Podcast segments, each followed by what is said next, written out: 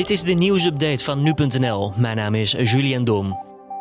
Delano R., de leider van motorclub Caloago, wordt door het OM verdacht van het voorbereiden van de moord op Robin van O.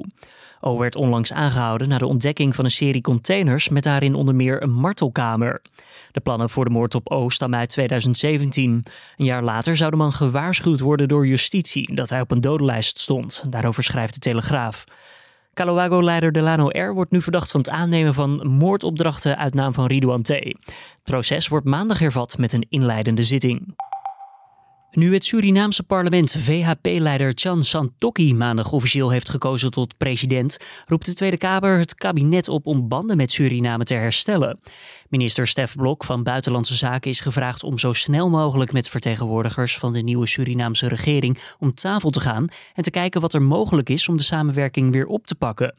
Na de inauguratie van Santokki, die donderdag zal plaatsvinden, komt er een eind aan tienjarig presidentschap van Desi Bouterse, waarin de verstandhoudingen met Nederland verslechterden. Mocht je nou meer willen weten over de politieke situatie in Suriname, luister dan ook eventjes naar de Dit wordt het nieuws podcast van deze ochtend. Daarin behandelen we het onderwerp uitgebreid.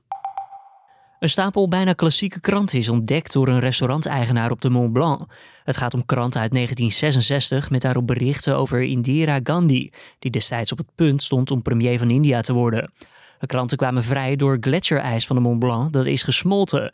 Hoogstwaarschijnlijk zijn de kranten daar destijds terechtgekomen bij het neerstorten van een Air India Boeing. Dat gebeurde in januari van 1966.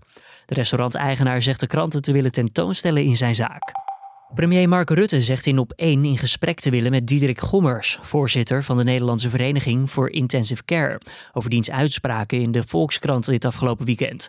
Gommers suggereert in dat interview in maart onder druk te zijn gezet door het ministerie van Volksgezondheid om te bevestigen dat er per 1 april 1600 IC-bedden beschikbaar zouden zijn.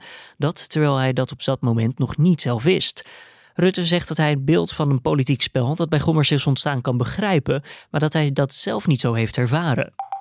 Jumbo sluit ongeveer een kwart van de Laplace-filialen. Volgens een woordvoerder van Jumbo worden de restaurants, die als gevolg van de coronamaatregelen waren gesloten, stapgewijs weer geopend. Maar 23 filialen gaan niet meer open.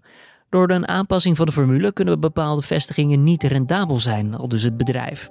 En door de sluiting staan 480 banen op het spel. Al wordt getracht om gedwongen ontslagen zoveel mogelijk te voorkomen.